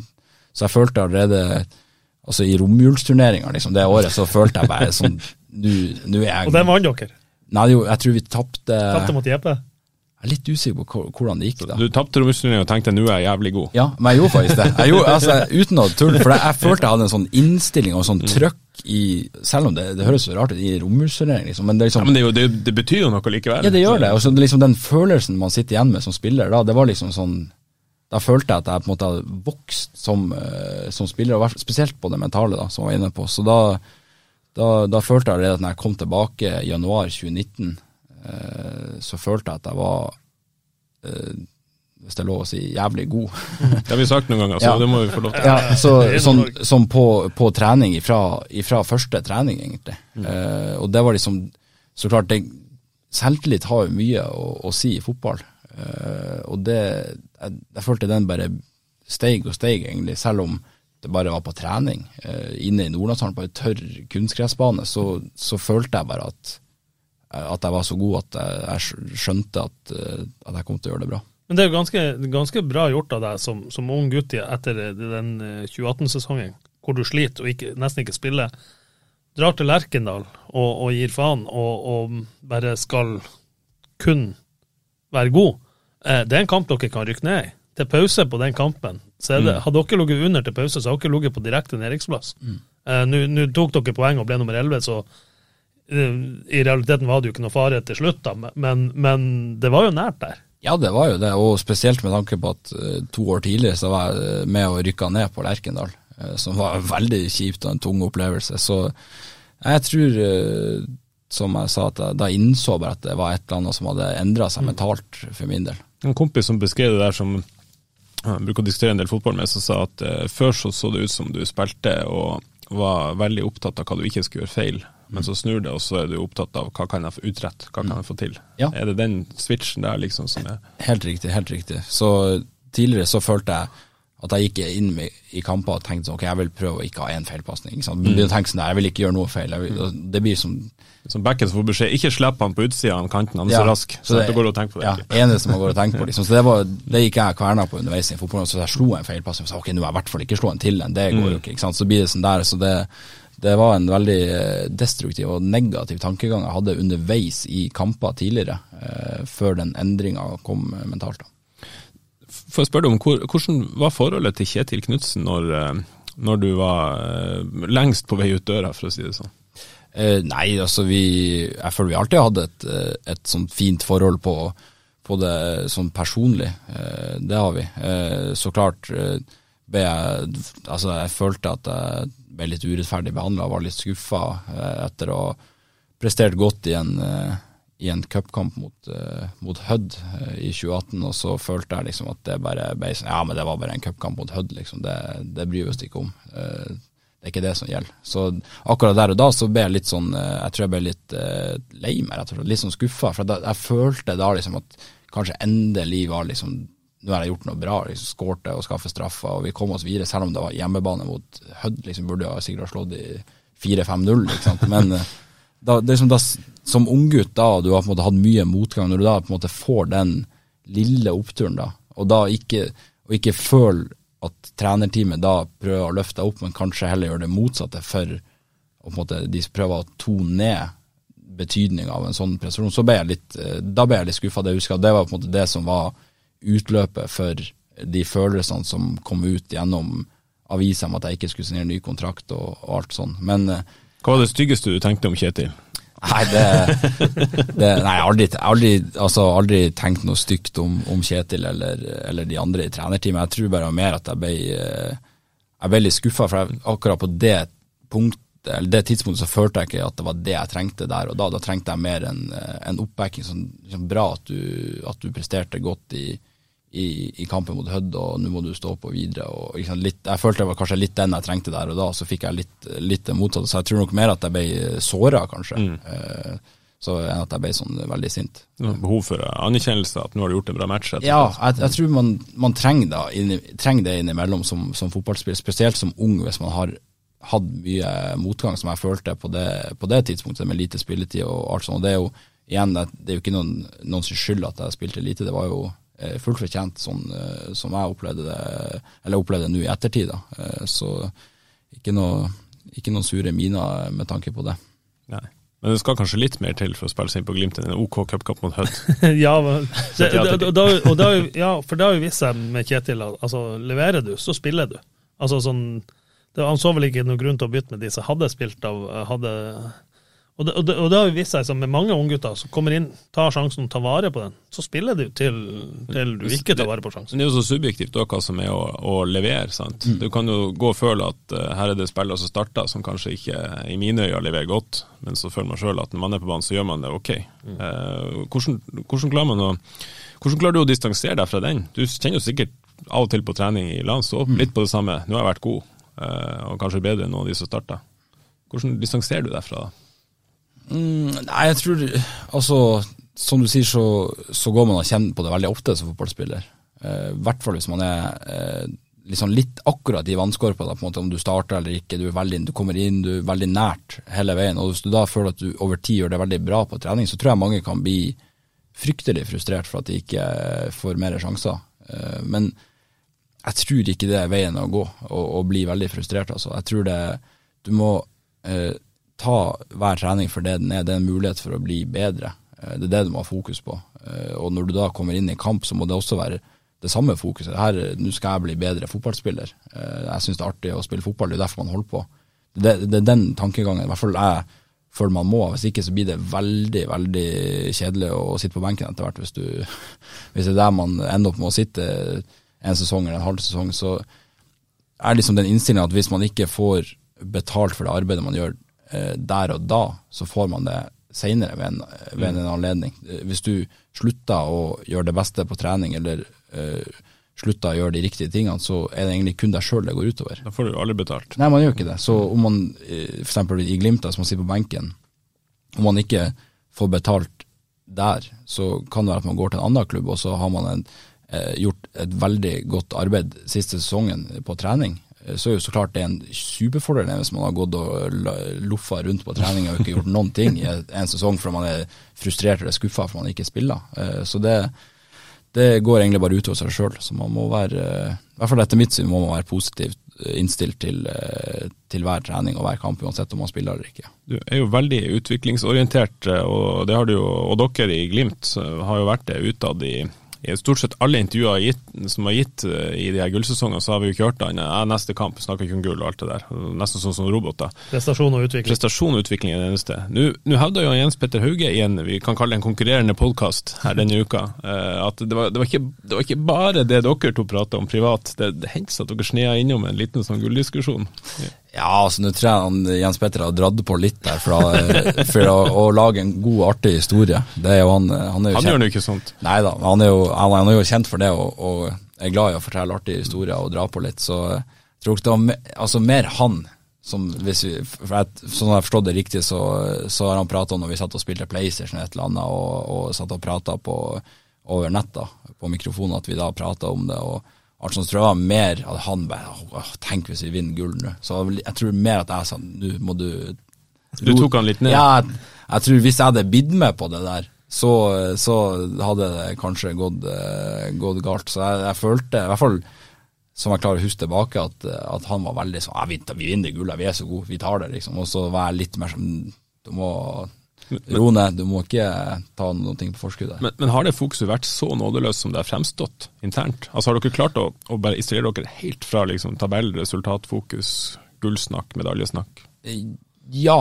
Eh, altså både ja og nei. For jeg tror eh, vi alle lærte nå i 2019 at det ble litt for eh, sånn at vi ikke skulle prate om gull og ikke prate om tabellen og alt sånt. Så det ble, det ble på en måte som en, eh, en rosa elefant i, i Mm. rommet. At hvis noen nevnte gull, så var det sånn Hva sa du, liksom? Det der må du ikke finne på å si, liksom. Så det, Ja, Ble det- reagert på hvis noen begynte å snakke om det? I 2019 så Ja. tror jeg det, det var veldig sånn eh, det ble, altså Vi ble engstelige, på en måte, for at vi var i den posisjonen vi var i. Vi hadde en litt dårlig avslutning på sesongen. Vi hadde jo det. Mm. Den høsten der var jo altså ikke forferdelig dårlig, men det var jo ikke noe bra. Det var jo ikke noe bra høst i det hele tatt. Og det tror jeg eh, har en sammenheng, med at vi ble engstelige og redd for at vi kan faktisk vinne gull. Mm. Uh, Det er jo helt naturlig, det er ikke det? Med et nytt lag som er med og kjemper. jo da, det er jo det. Så jeg tror nok det, det, den uh, høstsesongen der, det halvåret der, så lærte vi veldig mye. Så når vi da etter hvert innså i 2020, vi innså det ganske fort, vil jeg tror at vi var i en posisjon der at vi kunne vinne. Ti seire på rad. Ja? Det er jo en, en god start på å kanskje innse oi, vi kan faktisk vinne gull. Så da, så da begynte vi tidlig å prate om det eh, i lag med Bjørn, da. Um, om akkurat det. At eh, ja, hva, ja, hva skjer hvis vi vinner gull, eller hva, når vi har muligheten til å vinne gull? Ikke? Da begynte vi å diskutere det, Eh, og det tror jeg var veldig sunt. Eh, Selv om utad så sa vi aldri at eh, ja, vi driver og prater om gull. For, for det blir på en måte det blir så, Jeg tror ikke folk hadde skjønt det hvis vi hadde sagt det i et i intervju i, i pressesonen etter kamp. Ja, vi prater om gull hele tida i Glimt, men det er jo måten man prater Ja, dere prater om hvordan håndterer vi at vi er i Ja, det er liksom- det var- presset rundt det og alt. Ja. Ikke sant? Så jeg tror nok vi var bare veldig nøye i hva vi sa til media, for at det er jo veldig eh, enkelt hvis man sier noe eh, til media, så blir overskrifta ja, nå prater alle om gull i Glimt. Ikke sant? Og det, da hadde på en måte ikke det kommet frem eh, hvordan vi prata om det. Så jeg tror nok bare derfor vi konsekvent sa liksom nei, vi ser ikke på dvergen, vi prater ikke om gull, og alt det der. Eh, og det er på en måte riktig på en måte, og så på en måte ikke riktig. Vi prata veldig mye om det. Det var mer bare hvordan vi skulle håndtere det. Og eh, måten vi kunne uttale oss på i media, var sånn at, å, å si at eh, ja, selvfølgelig kan vi ta gull. Eh, men det er ikke sånn at ja, vi, tar, vi skal ta gullet. Men det var mer sånn ja, jeg er ekstremt trua på denne gruppa og måten vi jobber på. at så klart, hvis vi fortsetter å prestere som det her, så kan vi ta gullet. Det var mer den måten vi, vi kommuniserte på. da. Blir dere så gode at det etter hvert blir uinteressant? Altså, det var jo ikke så mye press på slutten av sesongen. Skjønte dere etter hvert at ok, vi er jo sånn flytende at det faktisk ikke Det kommer ikke til å bli noe gullkamp? Eh, nei, og det, og det er jo litt eh, det, Altså, det, den største fordelen med å tenke sånn utviklingsorientert, er at du egentlig aldri blir lei. Eller du blir liksom aldri sånn nei, God men- nok. Ja, du blir liksom aldri god nok. Altså, du er på en måte Du er fornøyd, men aldri fornøyd, på en måte. Mm. Det er liksom litt den tankegangen føler jeg som har vært i Glimt Når årene. Vi er liksom fornøyd med prestasjonene vi gjør, men vi er aldri fornøyd. Vi er aldri helt fornøyd. ja, det er liksom det er alltid noe som kan forbedres og utvikles. Og det, og det gjelder uansett om man ligger eh, på sisteplass eller førsteplass på tabellen, når man har den tankegangen. Eh, eller om man ligger midt på i Ingemannsland og egentlig ikke kjemper om noen ting. Så må du Jeg tror over tid, hvis du har den tankegangen, så lønner det seg ekstremt kontra det å bare tenke ok, nå må vi ha tre poeng, for da kan vi klatre så mange plasser på tabellen. Og, ja, ok, men hva skjer hvis du ikke gjør det? Det er krise. ikke sant? For Hvis du har den tanken, så er det aldri noe som er krise heller. Det er liksom aldri noe som blir helt sånn Nei, dæven, det, var- det var krise, liksom. Så Vi får ta oss av det der eh, gull- og poengsnakket. Men, men det er jo litt sånn artig det du sier om, om 2020 der og, og gullsnakk. For når JP takka nei til Serkle Brygge og ble værende i Bodø da er, På, det er jo først, på kaia? Ja, ja, men når han blir intervjua dagen etterpå, eller noe sånt, det er jo første gang noen i Glimt sier vi skal ta gull. For da sier Jeppe for Jeg tror jeg spør han, eh, for du, du, blir, du er ikke her, du blir ikke igjen i Bodø for å, for å ta sølv. Nei, sølv har jeg fra før, vi skal ha gullet. Ferdig med det, det er ikke noe å diskutere, vi skal ta gull. Det er første gang noen sier, eh, i intervju med oss i hvert fall, at, at eh, det er gullet vi skal ha. Ja, Jens Petter han er jo glad i medaljer, har vi sett på sosiale medier til Fotballforbundet også. Så. Jens Petter, han, eh, han, eh, du, du var inne på romjulsturnering her. Han, han sidestiller jo romjulsturneringseier romjulsturneringsseier med, med Europa League her, så han har vel antydet at det, det kan hende han har med seg skoene han er på vinterferie. ja, han er jo så heldig at han får eh, noen, eh, noen uker juleferie, sånn som jeg har forstått det i Tyskland. Får du lov å spille romjulsturnering? Vi har kamp 28. desember i år, så det, Mm. Men hvis du hadde, men hvis du hadde hatt fri, så hadde du fått lov? Nei, jeg tror ikke de hadde blitt glad for det, men eh, Han hadde vært glad hvis altså, AN ikke har streama. ja, jeg, hadde, jeg tror nok kanskje jeg hadde inntatt en, eh, en rolle på sidelinja da. Du, du snakker om det her at du alltid kan bli bedre, og nå skal du inn i preseason og har sikkert gjort deg noen tanker om siste halvåret. Hva, hva du har bestemt deg for at det her skal jeg utvikle som spiller, nå når du går inn i oppkjøringa? Eh, Jeg tror nok litt det å, å, å ta av press med ball. Eh, For jeg er jo jeg har en ekstrem tanke, eller sånn evne til å tenke at jeg skal slå på entørs, totørs hele tida. Men eh, sånn som den europeiske fotballen er, så det, det er mye, i hvert fall i Frankrike, mye ganske mann-mann nesten over hele Litt banen. fotfølt. Ja, man blir det. Så det å kunne ta av et press, ta av en mann, er veldig gunstig for resten av laget. Da Har du overtall med en gang? ja, for da, har du liksom, da kan du dra med deg overtallet videre. For hvis du drar av én mann, så må på en måte en eller annen gang så må en ny mann komme på deg i press, da, og da blir den mannen som han egentlig hadde, blitt ledig. Eh, så jeg tror nok det blir altså mitt sånn største hovedfokus nå, da, eh, å utvikle den delen av spillet. Jeg føler jeg har tatt eh, steg på det siden jeg kom dit, for det var ikke noe jeg vil si jeg var spesielt god på når jeg dro dit, eh, men jeg er blitt bedre på det, og det er i stadig utvikling. Så eh, det å kanskje ja, det fysiske, vil jeg si kanskje, rent sånn styrke, styrkemessig. Ja, det er tøffere fysisk i, i Frankrike enn veldig mange andre ligaer, kanskje. Ja, det er jo det. Det er veldig mange raske og, og sterke spillere der. Mm. Stian, skal vi ha noen spørsmål fra ja. publikum før vi runder av? Nå har vi holdt han Patrick her altfor lenge. Ja, det er jo nesten gått over to ganger 45 ekstraomganger, men eh, det får gå. Eh, vi har vært inn, Du nevnte jo at du har hund med deg til Frankrike, så vi har fått spørsmål fra Gyda Aanes. Og trives bikkja i Frankrike? Hilsen Bigelglimt i Torvgata. Ja, ja det er hun Nala som hun heter da. Jeg trives veldig, veldig veldig godt i, i Frankrike. Det, det området vi bor i, så er det veldig mange hunder. Så eh, da blir det en del sånn eh, tørrprat, kan man kalle det, med hundeeiere eh, i det, de månedene her. Og det er som regel eh, på blir, du, blir du gjenkjent? Ja, faktisk av og til blir det. Det er jo ikke så, stor, eh, det er ikke så stort liksom Den byen eller det områdene rundt er jo ikke så stort, så det er, det er liksom LAN som gjelder i de områdene mm. der. Så jeg blir, blir ofte gjenkjent, jeg blir det. Så jeg vil tro at uh, hvis jeg begynner å spille, så blir det nok uh, betydelig, betydelig, mer og oftere, ja. Det vil jeg tro. Men uh, veldig mange hunder som, som, er der, og det, ja, hun trives veldig godt. Det er Tord som lurer på hvor stort det var å bli kaptein for barndomsklubben, altså Glimt, og lede Glimt ut i Europa? Det var veldig stort. Eh, jeg vil nok si at eh, sånn når jeg vokste opp, så var jeg på en måte ikke Jeg tenkte ikke over så mye det, altså den kapteinsrollen og det å være kaptein, egentlig. Så det var kanskje mer noe jeg, jeg satte pris på etter hvert, eh, som jeg ble litt, litt eldre. Jeg var jo en del kaptein på, på ja, sånn junior, ja, litt for B-laget en periode, og litt på lillegutt og smågutt og litt sånn. Men det var på en måte ikke noe jeg tenkte så mye over. Eh, men eh, jeg kjente, jeg skal innrømme, jeg kjente litt på det når vi, den første eh, kampen i 2020, når vi gikk ut på Aspmyra mot Salgiris, var det vel. Og når jeg var da kaptein, så kjente jeg litt på en sånn ekstra stolthet. At det her var Det er ikke alle som har opplevd det her med barndomsklubben sin, så det var veldig artig. Runa lurer på hvem i Eliteserien du mener som kan matche deg i gjenvinningsspillet? Ja øh, jeg vil jo si at uh, sånn, som Glimt-fan så har jeg lyst til å si noen, noen, på Glimt. Så jeg føler altså Hugo har i hvert fall alle de fysiske forutsetningene til å bli en helt ekstremt god ballvinner. Uh, og han er det til tider, syns jeg. Man ser i kampene. Uh, og de kampene i Europa òg, så syns jeg man så på en måte han hadde litt sånn internasjonalt snitt i måten han touchene sine, og, men òg i det defensive. Uh, så jeg, jeg, vil nok si at Hugo uh, sånn, Nå er vi jo veldig like sånn kroppslig og størrelsesmessig òg, så han har i hvert fall alle, alle forutsetningene til å, til å, bli en ekstrem ballvinner, og det, det, ser jeg at han er på vei til å bli.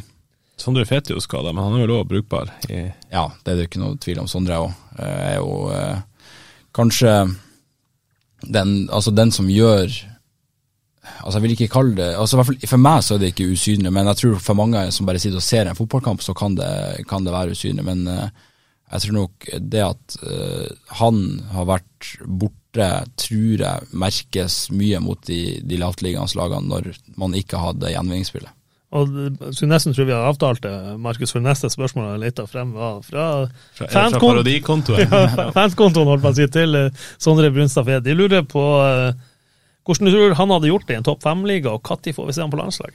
Jeg tror Sondre hadde kommet til å gjort det veldig bra i en, en topp fem-liga. Jeg tror uh, sånn fra han kom i starten av 2020 til, til nå, så jeg vet ikke om det er noen som har hatt større utvikling som, som spiller. Altså, for jeg, når han kom i, i, starten, så var han jo så klart de, hadde han de egenskapene som man ser med gjenvinning, altså, men etter hvert som tida har gått, så har han blitt ekstremt god med ball òg. Uh, og det kommer kanskje ikke så tydelig frem i, i alle kamper, men sånn når jeg trente med han hver dag I tette situasjoner, ja. sånn vendinger og ja, forhåndsorientering ja. bort fra den ekstremt gode. Ja, som man egentlig ikke, kanskje ikke legger så mye merke til, men når jeg var på trening med han hver dag, den utviklinga han hadde i den delen av spillet fra han kom til sånn som han spiller nå, det er to forskjellige spillere egentlig, i den, offensive delen av spillet. Altså. Så det Eh, når han har den delen i tillegg til å være den ballvinneren og, og motoren han er, så, så, er det ikke noe tvil om at han har gjort det veldig bra på, altså både på et landslag og i en topp fem-liga. Da fikk vi svar på hvem som står bak eh, parodikontoen og fankontoen til Sondre Brunstad Fet. Ja, Patrick.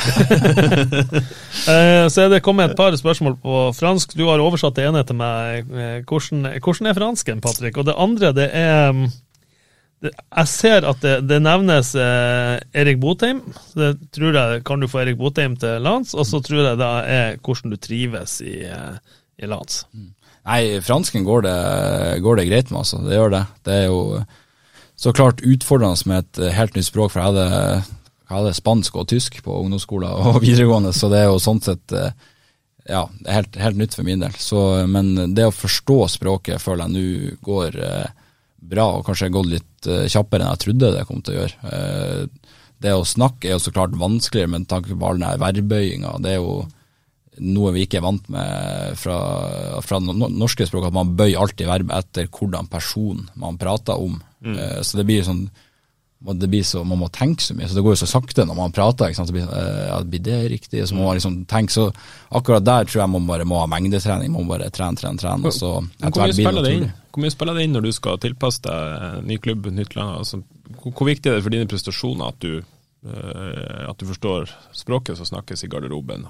Eh, ja, det vil jeg si er en viktig del av det. Uh, spesielt uh, der jeg er nå, for går alt, alt, går på fransk. de fleste på laget snakker ikke engelsk i det hele tatt. så det er jo klart at det er viktig for å bli en del av gruppa òg, at, at, man viser interesse og viser respekt overfor den kulturen og det språket. Eh, så det, det, føler jeg er en veldig viktig del av det, og noe jeg tar veldig seriøst. Og jeg føler jeg, eh, jeg tror de også føler at jeg har blitt fort ganske god i, i, i språket, så jeg tror nok de syns også det er artig når jeg, når jeg prater fransk. Tar du timer? Ja, vi har faktisk en, en lærer som kommer til treningsanlegget vårt. Da, etter planen så skulle det være en gang i uka, men jeg tror kanskje han har vært der fem ganger siden jeg, siden jeg kom. Så det har ikke vært sånn hyppig, men han, han, vi har lærere som kommer der. Vi er jo tre eh, på laget som, som ikke snakker eh, fransk, som har på en måte gått til han i laget. da. Mm. Uh, vært, vi har vært inne på hvem, hvilke spillere som imponerer deg mest hos Lans, men uh, uh, Truls Kristiansen lurer på hvilken spiller i den franske ligaen syns, er, er i dine øyne det største talentet? største talentet, ja. Nei, det er jo Jeg solgte en til Real Madrid nettopp. Ja. Det? Jo, han Chouameni fra, fra, Monaco, han er jo så klart Du har vært på banen mot han? Ja. ja. ja. Nei, de er jo Altså, det fins altså, Det er litt sånn uh, rart med dem. Jeg føler vi kan spille mot hvordan som helst lag i, i Frankrike, altså i hvert fall én der du mm. tenker på han er så god, liksom, på det andre laget. Det kan være liksom de bunnlagene, men de har alltid én eller to som man bare tenker sånn Wow, han der er mm sinnssykt god når man, eh, når man sitter og, og, ser på. Så, men eh, jeg tror nok han også er jo, altså Mbappé er jo fortsatt ung, så jeg vil jo kalle han et, eh, et talent. Ja, altså, han skal jo komme utenom, kanskje. Ja, det er jo det. Han har jo et rått talent. Og, så jeg vil nok si at kanskje de to, da. Nå er han solgt, og, men Kamavinga òg, som var der i, i fjor, har jo også dratt til, til Real Madrid. Så jeg tror nok Frankrike de neste årene har en solid midtbaneduo i, i de to. Og da er du tom for uh, lytterspørsmål. Ja. Her er et siste spørsmål. Når skal du til Manchester United og rydde opp i den midtbanen der? Ja, nei vi får håpe at kanskje han eh, Frenkie de Jong kommer og, og tar, den, eh, tar, den, jobben. Så nei da, det hadde jo så klart vært artig å, å, komme seg dit en dag, men det er jo ikke Er det drømmeovergangen? Nei, altså, jeg vil ikke si jeg har noen drømmeovergang, altså, det har jeg ikke. Så jeg merker at den interessen min for United var dab, den dabba eh, av år for år. Altså, det gjør det. Så gikk, fikk en liten oppgang da Ronaldo kom tilbake, det må jeg innrømme. Ja. Det, det syns jeg var artig, for det er liksom fra min barndom, når jeg vokste mm. opp, så var på en måte han han den store stjerna på United, og jeg var United-fan. Så det, det, fikk en liten oppgang rett etter han kom, og så det på, litt på turné igjen nå. Så, det er ikke sånn at det spiller inn i klubbvalg, sånn, sånn type preferanse? Nei, det, ikke, det, er ikke sånn at jeg ikke kan velge en klubb pga. det. Nei, det, det, blir det ikke. Men, hva, er, eh, hva er det viktigste når du velger klubb? Du sa jo det sjøl tidligere i podkasten at uh, det her livet som fotballspiller det er jo ikke så forutsigbart og enkelt, og man styrer ikke alt sjøl. Men hva, når, når, du har valgt Lans, og nå når du skal, eller hvis du en gang skal velge en, en annen, annen, klubb, hva er det slags faktorer du tar med i sånne vurderinger?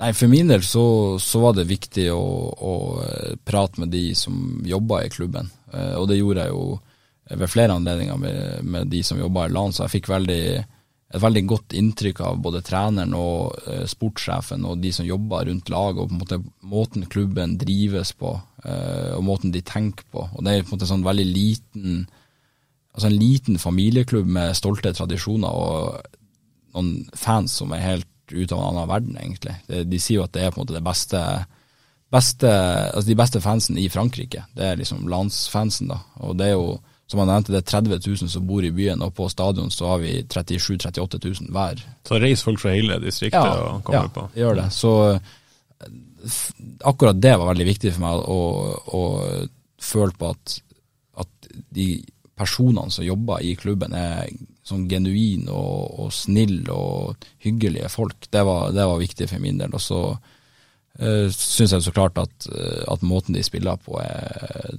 var artig, når jeg satt og så kampene og, og satt og så på litt klipp på, på Y-Scout og, og så videre. Så eh, nei, det var, det var litt det jeg tenkte på. Ja, Har du følelsen at de har en tydelig plan for deg også?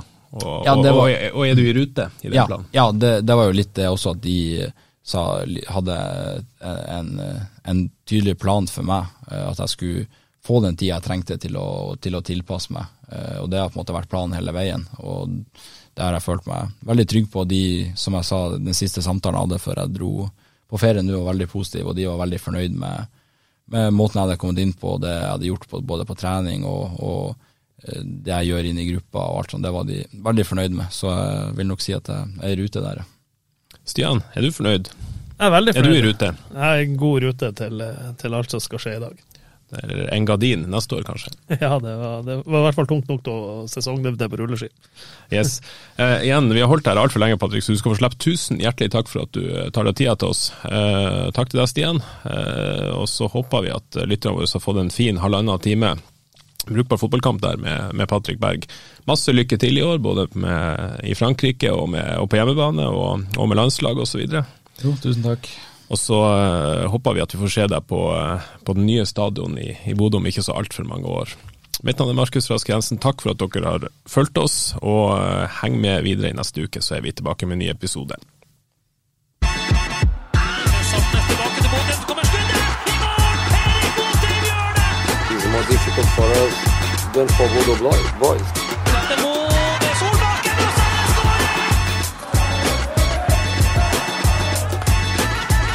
Let's enjoy it. Let's play.